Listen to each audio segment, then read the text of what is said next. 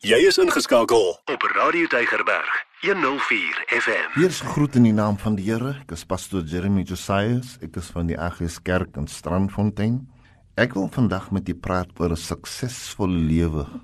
Kom ons lees saam in 2 Timoteus hoofstuk 4 van vers 3. Want daar sal 'n tyd kom wanneer die mense die gesonde leer nie meer sal verdra nie. Hulle sal hulle eie begeertes volg en vir 'n leermeesters bymekaar kry wat net sal sê wat hulle graag wil hoor. Hulle sal die waarheid nie hoor nie en hulle tot verdigsels wend. Maar bly julle in alle omstandighede nugter. Verdra lyding. Doen die werk van 'n verkondiger van die evangelie. Voer al die pligte van jou bediening uit. Wat my betref, ek word alreeds as dankoffer uitgegiet. Die tyd van my dood is voor die deur. Ek het die goeie wedloop afgelê. Ek het die wenstreep bereik. Ek het die geloof voluit volgehou. Nou wag die oorwinningskoring vir my. Die lewe by God om op die dag dat hy weer sal kom sal die Here die regverdige regter nie net vir my nie maar ook vir almal wat met verlange uitsien na sy koms. Die apostel Paulus skryf aan Timoteus. Daar word gesê dat Paulus sien Timoteus as die naaste wat hy sou ooit sou kom aan 'n familielid in terme van 'n seun. Paulus is nou oud. Hy was in die eerste plek was hy opgesluit in Romeine onder huisarrest. Deur die boek van Handelinge word beweer dat Handelinge geskryf was deur Dr Lukas om hom te bevry. En dan lees ons hy was so losgelaat, maar Alexander die kopersmid het hom weer bedrieg en verraai en hy was weer opgesluit. Maar die Here sê vir hom hy gaan nie nou weer hierdie keer uit hierdie gevangenis uitkom nie, want die Here het besluit dat hy gaan sterwe in hierdie gevangenis. Nou skryf hy aan Timoteus en hy skryf hierdie pastorale briewe om hulle te bemoedig en hulle op te lig en rigting te gee vir die kerk. Hy sê in vers 6 ek erken nou dat ek besef dat my lewe is al reeds uitgegiet as 'n dankoffer. Hy sê ek besef dat my einde en my dood is op hande. Hy besef dat ons is nie op die aarde vir ewig nie. Self hierdie groot apostel Paulus besef dat daar het ook 'n tyd gekom in sy lewe wat hy moet verwel sê vir sy lewe. Almal van ons wat op die aarde is, ons het 'n bepaalde tyd wat ons gegeen was. Vir sommige is dit 10 jaar, anders is dit 20 jaar. Anders kan tot 100 jaar te leef. Ons weet nie wat is ons tydsbestek op die aarde nie. En daarom is dit so belangrik om te besef dat niemand van ons kan met arrogansie en trots rondstap en sê ons het God nie nodig nie. Want jy is op die aarde gegee vir 'n bepaalde tyd. En wat jy doen in hierdie tyd, dit is wat saak maak. Wat jy doen vir God en beteken, dit is wat saak maak. Dit sal bepaal of jou lewe 'n sukses was of dit sal bepaal of jou lewe 'n mislukking was. Baie keer in die lewe dan kyk ons na mense wat akademies, finansiëel sukses was maar wanneer dit kom by God en die wil van God vir hulle lewe, dan het hulle niks vir God beteken nie. In die oë van die mens is jy held, in die oë van die mens word jy hoog aangesien. In die oë van die mens het jy posisies bereik wat vir jou status gee. Maar wanneer jy oë oopmaak en die boeke word oopgemaak, dan vind ons dat daar is niks in jou naam wat God betref nie. Ons is allermins geskape deur God om hom te dien op die aarde. Paulus sê nou dat sy lewe as al reeds uitgegiet as 'n dankoffer. Met antwoorde daar was dinge wat hy moet aanvaar dat uit gedagtes, uit stories, uit goed wat hy kan onthou van sy verlede en hy dink daaroor, hy reflekteer oor sy lewe en hy's dankbaar wat hy vir God kan gedoen het. Hy sê ek erken dat die tyd van my dood is voor die deur. Nie een van ons het beheer oor die dag van ons dood nie. Nie een van ons het beheer van wanneer ons gaan sterwe nie. Ons moet aanvaar dat ons elkeen 'n tyd wanneer ons moet gaan. Iemand het dit so mooi beskryf en gesê dat wanneer ons sterwe, dan staan ons almal soos iemand wat op 'n skip gaan en op die hawe staan mense en hulle wink en hulle groet vir jou. Maar soos die boot die hawe verlaat, is daar hoop aan die ander kant wanneer jy kom by die ander hawe en die boot het sy destinasie bereik dat mense sal vir jou verwelkom. En wanneer jy kom by die ander kant dat God jou sal verwelkom as jy sy wil gedoen het. So Paulus sê that the time of my departure is at hand. Hy is nie bang vir sy dood nie, hy verwelkom dit. Hy aanvaar die feit dat hy moet gaan. En so ek bid dat wanneer ons se dag kom en self u wat heel moontlik die dood in die gesig sal staar waar jy ook al vandag is, dat jy nie moet bang wees nie, veral as jou verhouding met God reg is nie. Die tragedie is van jou verhouding met God nie reg is nie en jy sterwe, dan moet jy bevrees wees. Want die gevolge daarvan is om sonder God te sterwe is 'n tragedie. Nou sê Paulus, hoekom hy kan sê dat hy 'n suksesvolle lewe gelei? Hy sê nou in vers 7 sê hy so mooi, ek het die goeie wedloop afgehandel. Ek het die goeie stryd gestry. Lewe is 'n stryd. Lewe is nie maklik nie. En almal van ons het een of ander geveg waarin ons betrokke is. Sommige veg vir ons se kinders, ander veg vir oorlewing en ander sin self ons wat deur God geroep is met veg sodat die evangelie mense kan bereik. Maar Paulus sê ek het die goeie stryd gestry om vir God te werk en God se wil te doen vir jou lewe is 'n goeie stryd. Jy weet, ek voel sommige keer so jammer vir mense wat hulle lewe opgeoffer het vir politieke doeleindes. Hulle het gesterwe sodat mense op die aarde 'n beter lewe kan hê in 'n bepaalde land soos Suid-Afrika byvoorbeeld. Maar die tragedie is is dat dieselfde mense nie reg was met God nie, dan is hulle einddoel die hel. Sommige mense kan voordeel trek deur hulle opoffering, maar sonder God is alles te vergeefs. In watter geveg is jy vandag betrokke? Is jy geveg tot eer en verheerliking van God of is jy soos baie mense net besig om te veg? Maar daar is geen ewige seën, geen ewige oorwinnings vir jou nie. Kom vandag en kry jou prioriteite reg. Raak betrokke met die goeie geveg. Leef vir God, dien die Here. Moenie soos baie mense meegesleep word deur populêre mense en doen wat almal doen nie omdat almal dit doen nog doen jy dit ook nie vind uit wat is God se bepaalde plan vir jou lewe en volg dit na hy sê ek het die goeie stryd gestry en hy sê verder as dit hy sê ek het die wenstreep bereik i finish the race elke een van ons het 'n reis wat ons moet hardloop As jy 'n vader is, dan moet jy die die reis ran van 'n vader. Jy moet die wedloop hardloop van 'n vader. Jy moet 'n voorbeeldige vader wees. Jy moet 'n heilige vader wees. Jy moet 'n biddende vader wees. Jy moet 'n werkende vader wees. Almal van ons het 'n reis om te hardloop. Sommige van ons moet byvoorbeeld die wedloop hardloop in die kerk om mense te lei, om leierskap te gee, sodat mense se lewens in lyn kan kom met God se wil. Ander mense het 'n wedstryd in die gemeenskap. Hulle moet die gemeenskap help om reg te lewe, om armes te voed. En so is daar 'n reis vir almal. En ek weet nie vandag watter reis jy is nie. Maar ek bid dat dit 'n goeie stryd sal wees. Die beste stryd wat ons kan hardloop, die beste reis wat ons kan hardloop, is om die wil van God te doen. Om deel te wees van 'n wedloop is daar bepaalde reëls wat gevolg moet word. Nou onlangs toe kyk ek hoe 'n sekere atleet deel is van 'n wedstryd en sy naam was uiteindelik onder die top 7 gewees. Maar toe hulle weer na die televisie kyk, toe sien hulle dat op een of ander plek het sy voet oor die lyn gegaan. En omdat sy voet oor die lyn gegaan het, was hy gediskwalifiseer.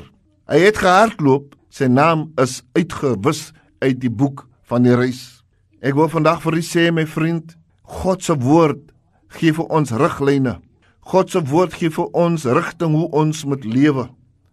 En ons moet volgens God se woord hardloop. Daarom sê Paulus ek het die wedloop volëindig. Ek het gedoen wat God my wou gehad het ek moet doen. As ons sy lewe studeer en sien ons daar was daar wat hy in gevangenisse was. Daar was daar wat hy in tronke was. Daar was daar wat hy gemartel was. Maar dit het hom nie gestop om sy reis te voltooi nie. Wat van jou en wat van my? So maklik gee ons op. So maklik sê ons ons wil nie meer betrokke wees nie. Maar mag God vandag vir ons help dat ons sal voluit hardloop ongeag van die hindernisse. Ongeag van die berge en die dale wat ons deur moet hardloop.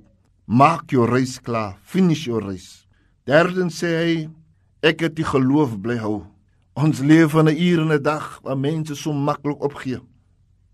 Mense gee hulle geloof op want ons sit ons geloof in die wisselvalligheid van geld. Ons sit ons geloof in die beloftes van mense. Ons sit ons geloof in onsself. Ons sit ons vertroue in opvoeding en sê dit sal my deurdra.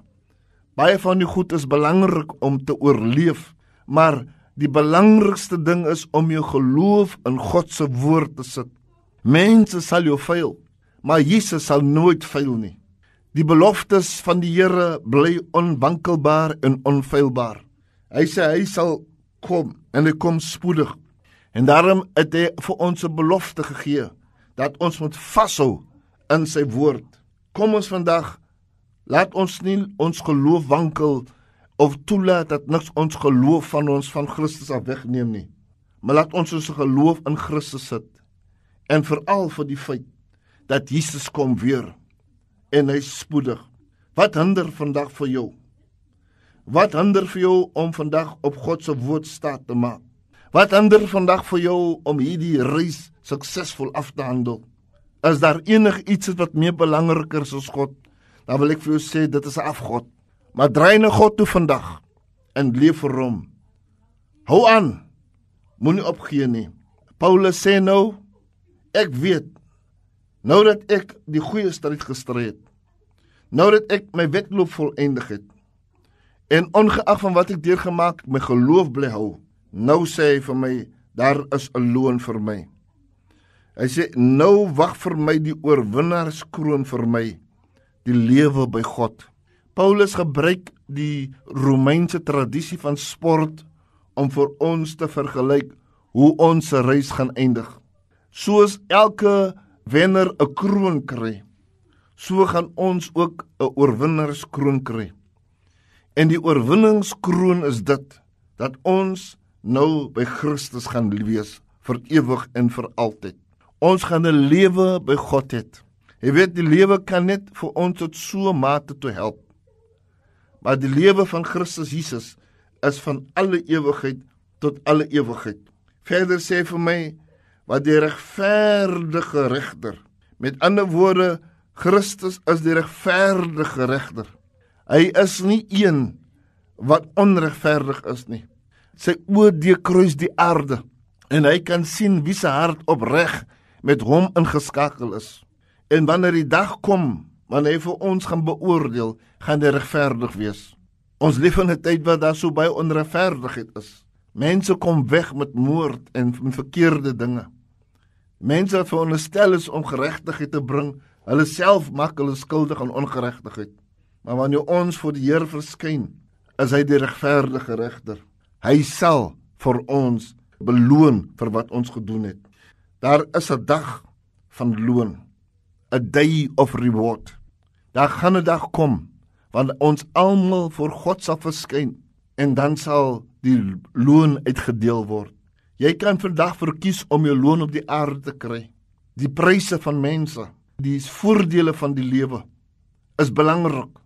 Maar as dit alles wat jy vir lewe, dan sal dit eindig die dag wanneer jy sterwe. Maar as jy vir Christus geleef het, as jy mense se lewens verander het, as jy hoop gebring het vir die hooplose, En soos die apostel Paulus kyk na sy lewe, dan kan ek vandag vir u sê daar is 'n dag van beloning wat wag vir u. En hierdie beloning is nie net vir hom sê hy, maar vir almal wat met verlange uitsien na die koms van die Here. Verlang jy nog na die koms van die Here? of as jy nou al reeds so vasgevang in die wêreld. Baie kyk uit vir die dag aftrede en uittrede. Maar die belangrikste ding wat ons moet voor uitkyk is die wederkoms van Christus. Kyk jy nog uit vir die wederkoms van Christus? Verlang jy nog om met God te wees?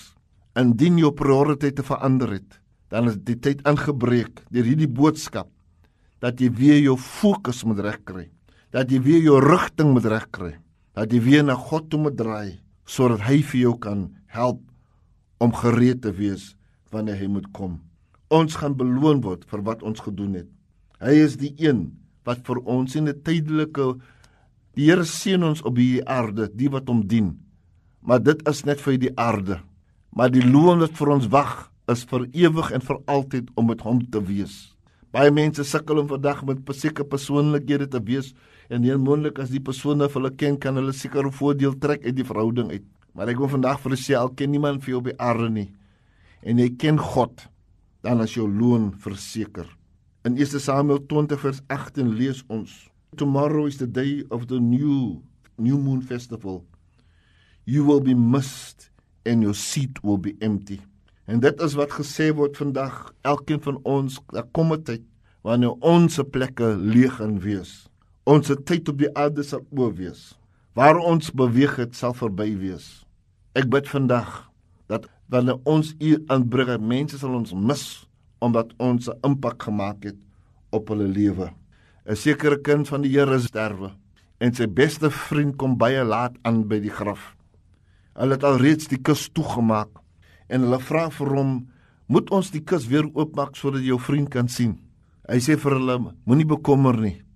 Ek sal hom binnekort sien." Hy is vol vertroue dat as hy sy vriend op die aarde sien nie, sal hy vir hom eendag daar in die hemel insien. Kan jy met absolute versekerheid weet as jy vanaand sterwe dat jy jou oë gaan oopmaak in die teenwoordigheid van die Here? Dit is ultimate wat 'n suksesvolle lewe is. Om te lewe vir Christus en dan om te sterf vir hom is wins. Die hele wêreld was gefassineer toe hierdie groot tuig, hierdie tuig wat afgegaan het om die Titanic te gaan ondergeontplof het. Wat my fascineer is die feit dat binne in hierdie tuig was welgestelde mense, was opgeleide mense, mense wat in 'n goeie verhouding was. Ek verstaan die seun het die pa gevat op hierdie trip sodat hulle die Titanic kan besoek. Die man wat hierdie tuig ontwerp het, was veronderstel om te weet wat is die kragte wat hierdie tuig kan hanteer soos hy die dieptes ingegaan het. Maar ons weet wat toe gebeur het. Iewers in sy berekeninge het hy die druk wat hierdie tuig kan hanteer geonderskat. En toe hulle by 'n bepaal, bepaalde plek kom, toe ontplof daardie ding en almal sterwe in daardie tuig. Wat vir my so interessant was van hierdie storie is dit: die mense wat in daardie tuig ingeklim het, het hulle vertroue in die ontwerper gesit. Hulle het gesê dat hierdie man weet wat hy doen. Daarom is ek bereid om self my familie in hierdie tuig in te sit. Hulle het geglo dat hierdie man weet wat hy doen. Ryk mense was bereid om te waag om in hulle tuig in te klim. Maar tot hulle groot teleurstelling, te vind hulle uit dat hierdie man het 'n fout gemaak. Maar ek is vandag hier om vir jou goeie nuus te bring. Mense kan ons faal. Ons sit ons vertroue so maklik in mense. Ons sit ons vertroue in politici. Ons sit ons vertroue in mense wat lyk of hulle weet wat hulle doen. Maar iewers langs die pad gaan hulle vir jou faal en veral die dag van die dood sal niemand saam met jou kan kom nie. En toe daardie vaartuig ontplof, toe is alles oor. Lewe is oor. Tegnologie wat daardie tuig in mekaar gesit het, ek weet of dit weer gebruik kan word nie. Sit jou vertroue vandag in die Here. En soos Paulus sê, ek het 'n goeie stryd gestry. Ek het die wedloop volëindig. Ek het die geloof bly hou. Sit dit vandag in Christus Jesus. Die vraag wat u vir my wil vra is dan pastoor, wie gaan dan eendag daar inkom? Wie is gediskwalifiseer om in die hemel in te kom? Nou sê Handelinge 21 vers 8: Maar die wat bang en ontrou geword het, die losbandiges, die moordenaars, die onsedelikes, die bedrieërs, die afgodienaars en al die leenaars, hulle lot is die poel wat met vuur en swaal brand. Dit is die tweede dood. Ek wil vandag vir u sê, moenie vandag kanse vat met jou lewe nie. Maar draai na God toe. Dien hom in gees en waarheid, sodat as jou uur aanbreek, dat jy nie oopmaak in die ewige poel van vuur en verswaal en verderf nie. Maar daarom sê 1 Korintiërs 15:17 As Christus nie opgestaan het uit die dood nie, dan is ons geloof van geen nut nie. En ons sal ook nie van ons sonde vergewe is nie. Maar omdat hy opgestaan is in die dood, daarom sal die wat in Christus Jesus is, ook saam met hom opstaan. Handelinge 22 vers 12 tot 16 sê Behold I'm coming soon and my reward is with me. God wil jou vandag beloon. God wil jou vandag seën. Ek wil vandag hê dat jy jou lewe in oënskouing moet neem. Dat jy vandag vir jouself vra, is ek vanaand moet sterwe? Kan ek soos die apostel sê, ek het die geloof bly hou? Indien nie wil ek jou vandag 'n kans gee, net daar wat jy is, om jou hoof te buig en vir God te vra om vir jou te help dat jy hierdie lewe, hierdie wedloop suksesvol sal afhandel. Wil jy saam met my bid? Liewe Here Jesus, ek bring my lewe voor U. Ek neem my lewe in oënskou. Ek vra dat U my sal vergewe. Dat U my sal was in U kosbare bloed. Ek neem U opnuut aan as my Heer en Saligmaker. Vergewe my sondes, Here. Help my nie om op mense te vertrou nie, maar op U te vertrou. Sodat as ek sterwe, dat ek my oë sal oopmaak met U. Ek neem U opnuut aan as my Heer en Saligmaker. En ek glo dat U my sondes vergewe het en dat ek nou 'n kind van U is in Jesus naam. Amen. Elke dag jou nommer 1 keuse. Radio Deugerberg 104 FM.